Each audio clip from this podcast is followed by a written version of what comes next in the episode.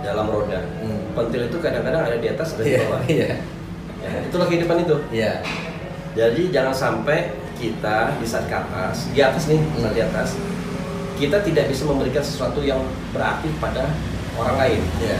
Sehingga pas kita berada di bawah nanti, kita hanya bisa nangis, Iya. hanya bisa menangis, menyesali perbuatan kita, dan kita nggak bisa apa-apa. Nah itulah kenapa aku suka ke mana-mana tuh silaturahmi pakai sepeda.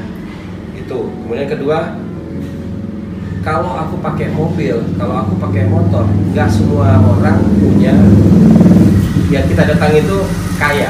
Iya. Kalau aku pakai mobil, ternyata dia nggak punya kendaraan, dia kan akan tergores di hatinya. Kalau aku pakai motor, orang tanya itu motor mereknya apa? Jadi yang dibicarakan masalah merek, Iya. ya kan? Maka tuh kalau kau lihat motor aku, itu mereknya kukupas, jadi ganti Papa Oni. Karena aku nggak suka ada merek.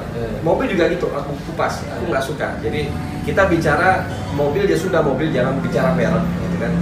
Motor ya motor, nggak usah bicara merek. Maka tuh apa salah satu yang bisa aku lakukan untuk silaturahmi? Sepeda. Sepeda aku bisa masuk gang. Iya. Kita ketemu orang susah, orang senang, gak ada masalah.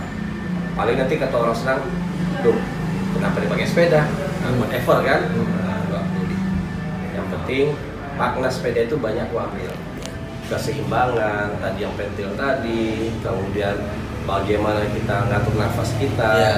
Kalau dia kita terlalu nafsu untuk dunia, Hmm. ibaratnya kita mulai terlalu cepat, kita akan capek. Nah, itu yang gua ambil dari sepeda itu.